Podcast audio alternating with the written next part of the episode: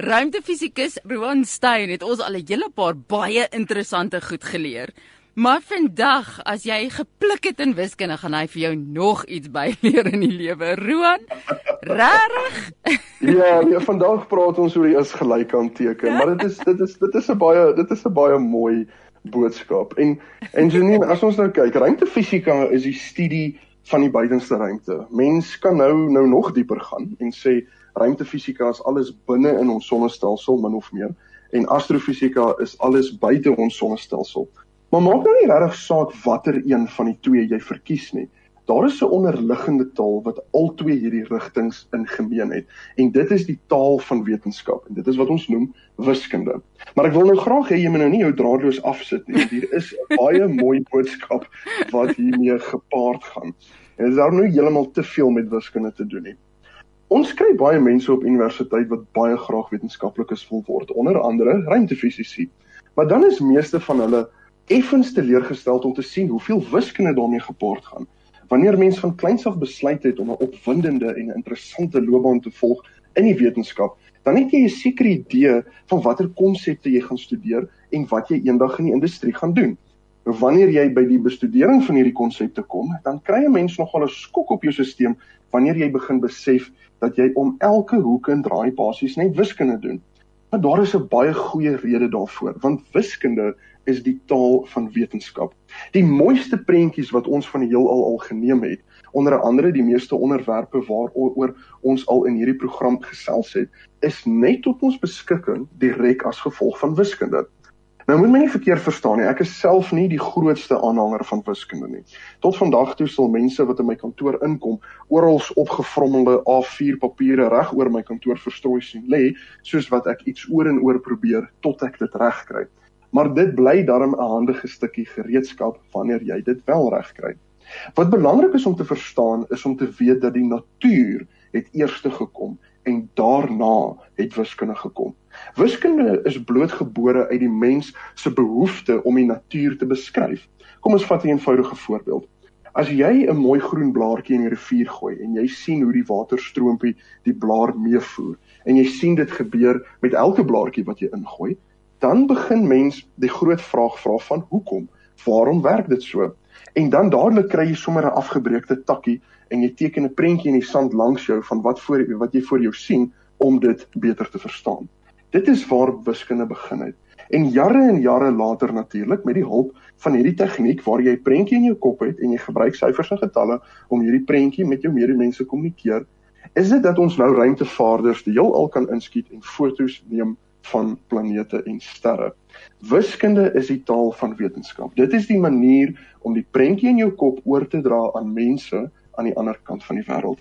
Nou gaan ek Romeine 1 vers 20 vat en dit by wiskunde uitbring. Nou dit klink dalk verregaande, maar dit is eintlik glad nie so groot sprong soos wat jy dalk nou sou dink nie. Romeine 1 vers 20 verklaar dat ons God se handtekening as dit ware in die natuur kan sien. En ons as mens het na die natuur gekyk en wiskunde ontwikkel juis omdat ons die asemrowende natuur wil beskryf. Nou daar is een klein tekentjie in wiskunde wat baie belangrik is en ons almal ken hom en dit is die is gelyk aan teken. Sonder hom sou die onderwerpe en konsepte net eenvoudig nie sin gemaak het nie. Nou ek gaan 'n bietjie stil staan by hierdie is gelyk aan teken. Wanneer ek na my lewe kyk, dan sien ek my lewe as een groot vergelyking as dit ware, 'n equation soos die Engelsman sou sê. Wanneer ons deur ons daaglikse lewe gaan, dan plus ons hier en daar en ons minus hier en daar en ander kere deel jy en in ander dae voel jy dalk soos 'n nul. Elke dingetjie wat met ons gebeur, elke dingetjie wat ons leer en gebruik om te groei, sit ons by ons, kom ons noem dit ons lewensvergelyking. En dan sonder dat mense dit altyd sien kom, kom die is gelyk aan teken. Iets soos 'n krisis of 'n trauma of dalk in die uiterste die dood van 'n geliefde. En die vraag is, is jy tevrede met die antwoord aan die regterkant van daai is gelyk aan teken? In daardie krisistyd is daar nie tyd om aan die linkerkant van die vergelyking te peter nie. Die is gelykanteken het gekom. Jy het dit nie gekies nie en hy is nou op jou voorstoep en jy moet nou die krisis hanteer met jou antwoord aan die regterkant. Die vraag is, het jy genoeg gegroei voor die tyd om hierdie krisis nou te hanteer? Het jy genoeg tyd bestee om die stem van die Here te hoor voor jy 'n moeilike situasie gedompel is waar dit nou krities is om die stem van die Here te hoor. Nou dit is hier waar ek met my linkerbrein die mooi ooreenkoms met wiskunde sien. As jy die prentjie verstaan, verstaan jy die beginsels. Die Here God het 'n doel vir elkeen van ons. Hy het 'n prentjie en die vraag is, sien jy daai prentjie? Want as jy sy prentjie vir jou lewe sien, dan maak die beginsels waar daardie prentjie beskryf baie meer sin.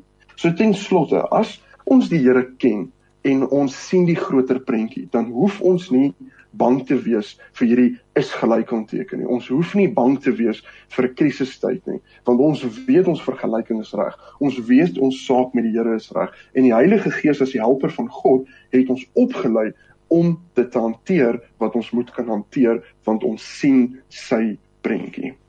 Ek dink dadelik aan Galasiërs 6 en 7. Wat jy saai sal jy maai. As jy nou Absoluut. 'n uh, direkte vergelyking uit die woord uit wil kry, is dit die een gebeur nie sonder die ander nie. As jy plus aan die een kant gaan daar geplus word aan die ander kant. As jy geminus het, dan gaan daar geminus word aan die ander kant. En ek dink so baie keer dan dan hoop ons dat ons plus aan die een kant, miskien aan die duister kant of aan die vleeskant, dat vir een of ander rede gaan die plus nie hoef te gebeur aan die ander kant nie.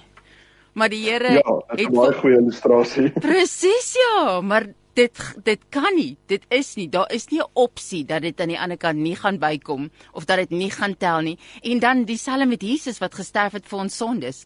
Vir al daai plusse aan die linkerkant moes iemand betaal. Dit moes gelyk gemaak het aan die ander kant of daar was net plusse vir ons om saam te dra met daai Here of sal ons hulle eerder minusse noem, né? As ons dan nou praat Ja, van iets dit is 'n pragtige illustrasie wat jy daar noem. Dit is presies, dit is presies dit. en dat hy alles op een with one swoop kom hy en hy maak hom gelyk aan die ander kant en ons begin by 0 ons begin nie by minus 5 miljoen soos wat ons eintlik moet nie nê Presies net so.